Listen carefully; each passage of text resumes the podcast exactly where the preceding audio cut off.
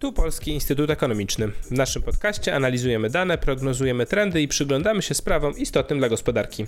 Dzisiaj przyjrzymy się zakupom przedświątecznym oraz branży handlu detalicznego w czasie pandemii, wysokiej inflacji oraz globalnego szoku podażowego. Nazywam się Jacek Grzeszak i zapraszam do wysłuchania dzisiejszego podcastu. Jest z nami pani Urszula Kłosiewicz-Górecka z zespołu Foresightu Gospodarczego. Pani Urszulo, bardzo dziękuję za przyjęcie zaproszenia do podcastu. Dzień dobry i ja dziękuję. Mamy inflację jak szykowałem te pytania, było jeszcze 6,8, teraz już 7,7 odszedł ten listopadowy.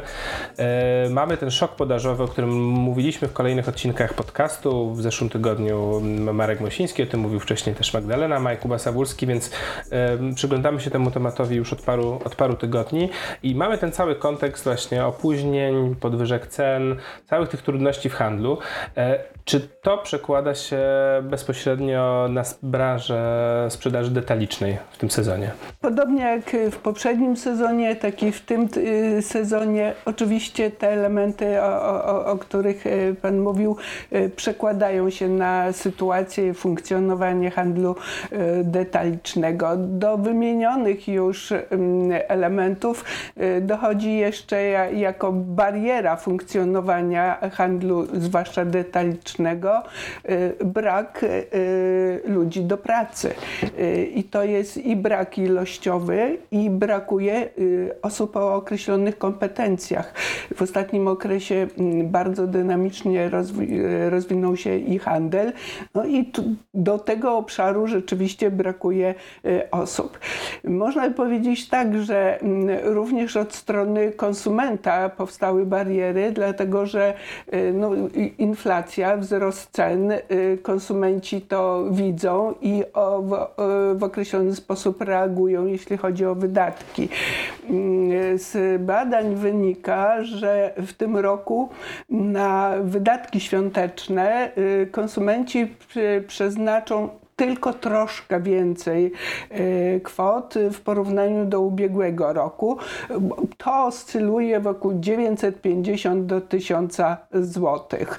E, ale e, około 60% konsumentów mówi, że będzie starało się jednak ograniczać swoje wydatki. Z tego 40% mówi, że będzie ograniczać te wydatki poprzez rozglądanie się za tańszymi produktami. No więc tutaj y, te y, sieci handlowe, które oferują y, niższe ceny, zwłaszcza sklepy dyskontowe, no wydaje się, że, że to będzie dla nich korzystniejsza sytuacja niż w stosunku do chociażby małych, niezależnych sklepów. Dobrze, ale to zapytam od razu, czy tak nie jest co roku, bo wydaje się, że zawsze jest spora grupa konsumentów, która rzeczywiście musi bardzo uważnie liczyć te domowe wydatki, szczególnie w tym okresie przed świątecznym i zawsze jest duża grupa osób, które właśnie deklaruje, że w tym roku musi trochę zacisnąć pasa, w tym roku musi poszukać tańszych ofert. Jest tak rzeczywiście, ale y, w stosunku do poprzedniego roku widać, że ta inflacja trochę przeraża y, gospodarstwa domowe i 40% y, mówi, że jednak będzie szukało tańszych produktów. Myślę, że, że to nie są dobre wieści dla handlu detalicznego, y, który jednak y, przygotowuje się do, do tych świąt już, już od dłuższego czasu, y, dlatego że w tym roku no, ta specyficzna sytuacja z importowanymi surowcami, z importowanymi produktami sprawiła, że, że firmy handlowe już znacznie wcześniej zaczęły zamawiać towary, no ale to też wiązało się z, z potrzebą określonych zapasów, magazynów, a to też przekłada się na koszty. Czyli raczej było tak, że faktycznie wcześniej firmy się przygotowywały, przygotowały, dzięki temu miały te zapasy, które im wystarczają, niż mają w tym momencie problem z brakiem tych zapasów i brakiem towarów na półkach. E, firmy detaliczne e, przekazują w ten sposób sprawę, że oczywiście mogą zdarzyć się przed świętami pewne braki. Prawdopodobnie, jeśli one się pojawią, to będą dotyczyły elektroniki, e, tańszych smartfonów, tańszych laptopów, jakichś gier. Te elementy mogą się pojawić, mogą się w odniesieniu też do kosmetyków jakieś jakieś niedobory pojawić, ale raczej będą one dotyczyły określonych modeli niż tak totalnie braków. Mhm. Zabawki, rozumiem, są niezagrożone. Mimo Za, to, że to za, zabawki produkcja. nie są specjalnie zagrożone, natomiast jest pewna grupa w tych zabawkach. To chodzi o zabawki z drewna i dużych rozmiarów, e, ponieważ ich sprowadzanie, m, mówię w tej chwili o importowanych artykułach, ich sprowadzanie z Dalekiego Wschodu no, w pewnym okresie miało dosyć duże e, problemy. Tam brak kontenerów powodował, że raczej preferowane były mniejsze przedmioty. Tak, to jest też ciekawe, bo to faktycznie ta, ta branża zabawkowa to taka chyba jedna z najbardziej zmonopolizowanych przez produkcję chińską cały Tak, czas, jak tak, rozumiem. tak. Mówiła Pani o tych zapasach sklepów, to teraz chciałem zapytać, czy widać z kolei u konsumentów taką skłonność do zapasów i do tego, żeby kupić prezenty w związku z tą sytuacją? Plus tą całą niepewnością pandemiczną, covidową, żeby robić zakupy nie w grudniu, a może nie w listopadzie, a może nawet już w październiku. Czy to było widać w ostatnich miesiącach? E, Powiem tak, e, co roku obserwujemy, m, jak to się układa i co roku m, powstają pewne prawidłowości, które jednak co roku się powtarzają, jakby niezależnie od uwarunkowań. Około 15% m, konsumentów to są tacy, którzy na wiele miesięcy wcześniej, już przed świętami robią zakupy, e, przygotowują się do, do tego i podobne, e, podobny udział, około 15% to są te osoby, które dosłownie w ostatniej chwili robią zakupy. Reszta to są mniej lub bardziej przezorne o- osoby.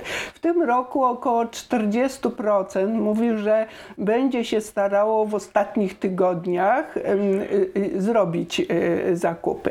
No tutaj trzeba pamiętać, że mm, w tym roku, ym, w poprzednim zresztą też, ale w tym roku szczególnie mm, y, daje o sobie znać i handel. Konsumenci z jednej strony postrzegają, że mają bardzo dużo czasu na zakupy, no bo przecież mogą moment zakupów wybrać sobie swobodnie, ale z drugiej strony mm, no niektórzy zapominają, że jest ta kwestia y, dostarczenia zamówionego produktu. I ten, mm, ten element tutaj detal y, wyraźnie mm, podkreśla, żeby no, robić zakupy przed 19 grudnia, bo jest wtedy większe jednak prawdopodobieństwo, że te zamówione towary dotrą do domu klienta. To jest o tyle ciekawe, że faktycznie, ale że z drugiej strony te, te, te, te sklepy internetowe bardzo, no i firmy kurierskie bardzo mocno kładą nacisk w ostatnich miesiącach, w ostatnich latach, mimo znacząco zwiększonego zainteresowania, jednocześnie starają się skracać te, te czasy. No i teraz, nie wiem, czołowe firmy kurierskie już oferują takie dostawy na, na następny dzień, a nawet wręcz planują na ten sam dzień. Tak, więc... to jest, e, jeśli chodzi o, o i, i handel, obszar bardzo silnej konkurencji. Tutaj rzeczywiście ta, te kwestie ostatniej mili są bardzo ważne i to jest e, element, na który właściwie wszystkie i, i, e, cały i handel zwraca A uwagę. Mówiła Pani wcześniej o tych brakach, e, jak chodzi o ręce do pracy w, we handlu. Tylko Mhm. teraz chciałem dopytać, czy właśnie chodzi raczej o dostawy towarów, czy raczej pracę w firmach, które działają wyłącznie zdalnie? W którym miejscu są te braki? To, to różnie się układa, właściwie i tu, i tu są. Braki są, y, jeśli chodzi o prowadzenie, zarządzanie handlem i handlem. Y, I tutaj y, chociażby o przygotowanie stron, tak żeby były przyjazne. To też jest obszar bardzo dużej konkurencji. Tuż przed mm, Czarnym Piątkiem firmy, to mm, z badań wynikało, że dosyć wysoki procent, około 88% y, i handlu mm, powiedział, że przygotowuje zmiany stron, żeby były bardziej przyjazne. No, wejścia w social media to też potrzeba fachowców tutaj z tego zakresu, y, ale oczywiście no, firmy i handel współpracuje z firmami kurierskimi, no i, i, w handlu ym, i, y, tutaj w transporcie też brakuje osób. To jeszcze od razu podrążę, bo tak się zacząłem zastanawiać, mm, e-commerce mm, czy handel to w dużej mierze są małe firmy, które właśnie właśnie tak. są w stanie operować mimo posiadania fizycznego sklepu i tych kosztów stałych z nim związanych właśnie dzięki internetowi. Pytanie, bo zacząłem się zastanawiać o, o, o, o tych danych, o których Pani mówi, na ile jest tak, że faktycznie brakuje, no bo, bo to też jest podkreślane, że tych specjalistów od IT, szeroko rozumianych mm -hmm. informatyków, grafików, specjalistów od UX i tak dalej, że ich brakuje, że są bardzo wysokie stawki, są rozchwytywani, ale też z drugiej strony zastanawiam się, czy firmy, które zatrudniają jedną, dwie, trzy osoby, w których ktoś ma jakiś pomysł na biznes, na sprzedaż mhm. czegoś, no będą deklarowały, że brakuje im właśnie lepszej strony, brakuje im lepszego dotarcia do klientów, no ale to też jest mhm. kwestia ich skali, to znaczy, że one po, prostu ich też nie stać na zatrudnianie większej liczby pracowników, jeśli jest to firma, dajmy na to rodzinna, która sprzedaje mhm. dwa, trzy, cztery typy produktów. Nie, nie wiem, jak to jest z badań i z Pani obserwacji. Rzeczywiście, mm, póki co ten obszar jest y, dosyć zdywersyfikowany, ale gro stanowią małe y, firmy, które działają od roku do, do trzech lat, więc są to bardzo młodziutkie y, firmy. No one starają się konkurować. Są na różnych marketplace'ach. To, to trochę te koszty obniża ich y, funkcjonowania. Ale trzeba mieć tutaj świadomość, że mm, konkurowanie będzie y, coraz y, silniejsze na tym rynku i będą zachodzić procesy koncentracji. To jest nieuchronne. To od razu jeszcze chciałem dopytać, jak chodzi o te zapasy czy te zakupy, jaki jest efekt, mówiła Pani o tych klientach, którzy bardzo wcześnie robią zapasy, mhm. czy tam zakupy świąteczne, tych co bardzo późno, a jaki jest efekt Black Friday, który się już upowszechnił w ostatnich mhm. latach w Polsce? Czy jest dużo klientów, którzy właśnie wyczekują na ten moment w końcówce, w końcówce mhm. listopada, czy nawet właśnie w ten ostatni piątek listopadowy, mhm. wtedy właśnie robią te zakupy mhm. świąteczne? Czy to się robi jakieś szersze zjawisko? E, powiem tak, e, e, Black Friday i Cyber Monday to, to są takie święta w detalu, które na nasz rynek właściwie przepłynęły stosunkowo niedawno. Tak naprawdę to jest około 6 lat, gdzie, gdzie to funkcjonuje na naszym rynku, ale bardzo się przyjęło. Z ostatnich badań wynika, że 90% klientów wie, co to jest za święto, zna go, ale 55% tylko potrafi określić dokładne daty, kiedy, kiedy to funkcjonuje. Natomiast e, ci, którzy składają deklarację, że będą coś kupować, no to w zeszłym roku to było około 47%. Większość z nich jednak e, e, kupowała nie w handlu stacjonarnym, tylko w e-handlu. Co roku widać, że handel stacjonarny coraz to bardziej podpina się pod, pod to święto. No i powstaje taki trochę efekt kuli mm, śniegowej, yy, gdzie jedne y, firmy bardzo nakręcają działania promocyjne, a one głównie polegają na różnego rodzaju obniżkach cen i, i rabatach y, tudzież jakieś szczególne warunki. Y, w ubiegłym roku podkreślano, że to są dostawy, ale w tym roku one y, bezpłatne dostawy do domu to, zamówionych towarów stały się już normą, więc to, to, to teraz oczekiwane są bardzo zniżki, rabaty. Y, konsumenci, jakich pytamy, to odpowiadają, że liczą na obniżki rzędu 50% ale z zaszłości analizy y, no, pokazują zjawisko całkiem inne. Y, średnio, średnio to było około 3,5%, więc nie, niewiele stosunkowo. Można by powiedzieć tak, że mm, to, jakie efekty przynosi ten, ten dzień czy te dni. W ubiegłym roku z danych wynika, że porównując do 2019 roku e, liczba transakcji wzrosła rok do roku o 62%, a wartościowo o 53%. E, natomiast jeśli porówna się e, wzrosty sprzedaży do poprzedniego tygodnia, no to w ubiegłym roku to sięgało prawie dwukrotnie większych, czyli jednak to działa. My nie jesteśmy specjalnymi takimi mm, osobami jako konsumenci, którzy y, bardzo racjonalnie podchodzą do, do y, swoich zakupów, ale uczymy się. Ostatnie rzeczywiście te, te dwa lata y, spowodowały, że klient jest bardziej taki wyedukowany, bardziej już poinformowany.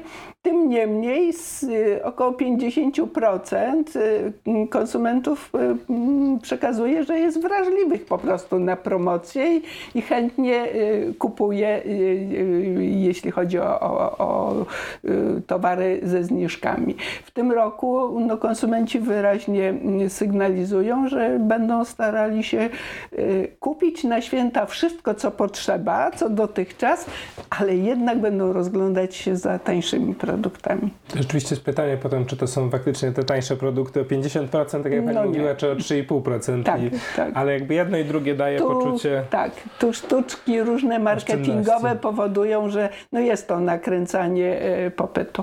E, chciałem, ponieważ mamy też kontekst pandemiczny w tym wszystkim, to trochę mało się do tego odnosiłem przez tę pierwszą część rozmowy i jakby jest dużo teraz zmian, które się, które się dzieje naraz, ale mamy jeszcze cały czas w tle kontekst pandemiczny, który wręcz w ostatnich tygodniach narasta.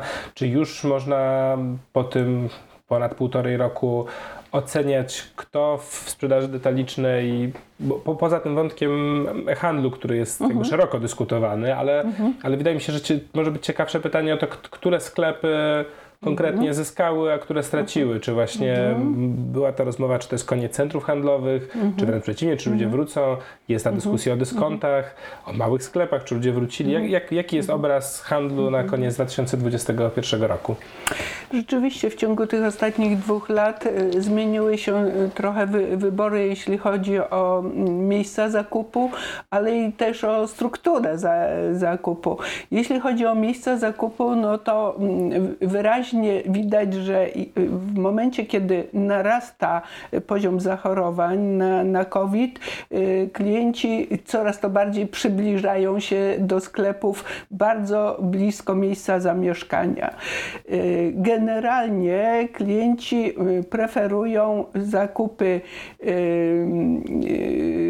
mniej częste, to, to jest około 30% jakby mniej mniejsza częstotliwość odwiedzania sklepów, za to koszyk, przeciętny koszyk zakupu szacuje się około 25% wzrósł.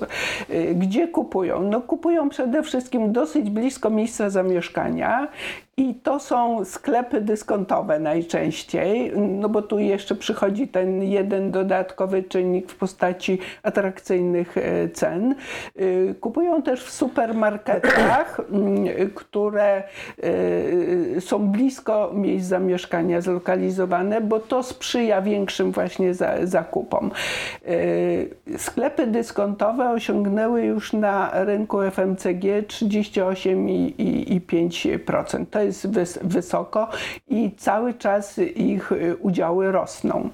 Y, rosną również udziały tych supermarketów, które zlokalizowane są blisko dużych osiedli mieszkaniowych, no tam gdzie, gdzie klienci y, robią większe zakupy. Ja od razu może dopytam i przerwę, to jaka jest obecnie różnica między dyskontami a supermarketami? Bo też tak jak kojarzę, jak te największe sieci dyskontowe mm. zaczynały, to one się bardzo mocno odróżniały tą tak. niższą jakością. W tym momencie to się coraz bardziej tak. zaciera ta granica. Posz... Tak, dokładnie tak właśnie jest, że formaty przybliżają się do siebie, przybliżają się asortymentowo i powierzchniowo, dlatego że te największe zmniejszają swoje powierzchnie, a y, sklepy dyskontowe poszerzają wyraźnie ofertę, wchodząc zupełnie zresztą y, nowe y, możliwości sprzedaży, chociażby wejście w stoiska tradycyjne, które dawniej w ogóle nie istniały. E, supermarkety zyskały nieco, ale nie, nie wszystkie. Generalnie najwięcej te, te mniejsze. Zyskały również sklepy, które określamy jako convenience store. To są takie mniejsze, które są całodobowe, mają specyficzny asortyment, łącznie tam z gastronomią. To są takie na ostatni moment, jak czegoś brakuje. No myślę, że tutaj pewnie z takim małym płazem większość naszych słuchaczy będzie kojarzyć, jak rozumiem, największą sieć. Tak, tak, tak, tak. Więc y, tak to, tak to właśnie wygląda. Natomiast no, ci, którzy najbardziej stracili, no to, to, to są te e, sklepy, te placówki, te formaty, które najsilniej podlegały obostrzeniom w czasie, w czasie pandemii. E, to są z całą pewnością centra handlowe, a w tych centrach handlowych hipermarkety, e, które no, były otwarte w, w chwili obostrzeń, ale tam znacznie mniej klientów już przychodziło. Więc one, one rzeczywiście straciły na znaczeniu, straciły również artykuły nieżywnościowe żywnościowe. Y, no, zyskały te, które zorientowały się w możliwościach y, włączenia i handlu i tutaj rzeczywiście y, ta, ta druga noga sprzedaży się pojawiła. Jeszcze dopytam o te hipermarkety. Rozumiem, że ten trend się utrzymuje, że to jest jakby stała zmiana, to nie tak. jest tylko dotycząca tych pierwszych tak. miesięcy czy tych obostrzeń. Tak. To od razu chcę przejść już do ostatniego pytania w, w, w, naszej rozmowie o to, jak prognozuje Pani zmiany w kolejnych latach. Oczywiście możemy zastrzec, że jest tak dużo teraz niewiadomych. Nie wiemy, jak będzie dalej przebiegała pandemia, czy, czy się zaostrzy, czy będzie ustępować. Nie wiemy ostatecznie też, mamy te prognozy inflacyjne, ale, ale też jest duża niepewność, więc jakby jest dużo oczywiście takich um, składników niepewnych, ale obserwując te zmiany mhm. już w tym roku, po pewnym czasie pandemii, mhm. jak Pani prognozuje, jak to będzie dalej wyglądało? Tak, rzeczywiście e, do, do wszelkich prognozowań tutaj trzeba pod, podchodzić bardzo ostrożnie, bo, bo jest duża dynamika tych zjawisk w otoczeniu, pojawiają się też nowe, które, które trudno przewidzieć i handel detaliczny rzeczywiście zwraca na to uwagę. E, prawdopodobnie e, sklepy dyskontowe nadal będą utrzymywały swoją bardzo wysoką pozycję i umacniały się. Z całą pewnością będą następowały procesy koncentracji. Na tym e, dużo ucierpi sklepów małych, niezintegrowanych w żaden sposób. Zresztą już dane za 2020 rok podają, że ponad 4% sklepów, głównie właśnie tych maluszków, wypadło po prostu z rynku. E, na pewno będzie rozwijał się i handel, on y, w tej chwili rozwija się tak, w taki sposób falujący trochę. Jest to bardzo skorelowane z poziomem zachorowań. Jak tylko poziom zachorowań, czy właśnie takie wydarzenia jak święta, no to znacznie więcej konsumentów y, zamawia to, towary. No i tak, takie porównanie. W 2020 roku na początku stycznia udział oscylował wokół 5-6 i handlu. Y, w innych miesiącach e, tak spadał do, do 7-8%, ale jak tylko pandemia się podnosił, poziom zachorowań się podnosił, no to to lądowało gdzieś na, na poziomie 12%, czyli widać to falowanie ale za każdym razem to się troszeczkę podnosi, czyli coraz to więcej konsumentów jednak przekonuje się do tego i handlu i tu wcale nawet nie chodzi o, o wiek. Oczywiście najczęściej zakupują osoby młodsze, ale również i, i starsze osoby do tego y, handlu się y, przekonały i, i zamawiają. Zamawiają również produkty żywnościowe, co jest ciekawe, bo początkowo y, rozwój dotyczył tego handlu w obszarze artykułów nieżywnościowych, a teraz właśnie również artykuły żywnościowe. No tutaj dopracowane szybkie dostawy jakby y, bardzo, bardzo sprzyjają. To jest na razie jeszcze niewielki udział, jeśli chodzi o y, FMCG, około 1%, ale systematycznie rośnie. No to, co będzie na pewno bardzo charakterystycznym zjawiskiem, jeśli chodzi o handel, y, no to procesy cyfryzacji handlu. No i tutaj i, i sam i handel, ale nie tylko zarządzanie, wspomaganie właśnie od strony y, IT. Bardzo dziękuję. Na sam koniec jeszcze chciałem e, przyłączyć się do gratulacji z okazji jubileuszu 50-lecia pracy zawodowej, który obchodziliśmy w, w niedawno hucznie. Chciałem złożyć najserdeczniejsze gratulacje i życzenia wielu lat w zdrowiu i w aktywności, i w wielu trafnych analiz i obserwacji. Dziękuję serdecznie. Dziękuję bardzo. Moim Państwa gościem była Urszula Kłosiewicz-Górecka.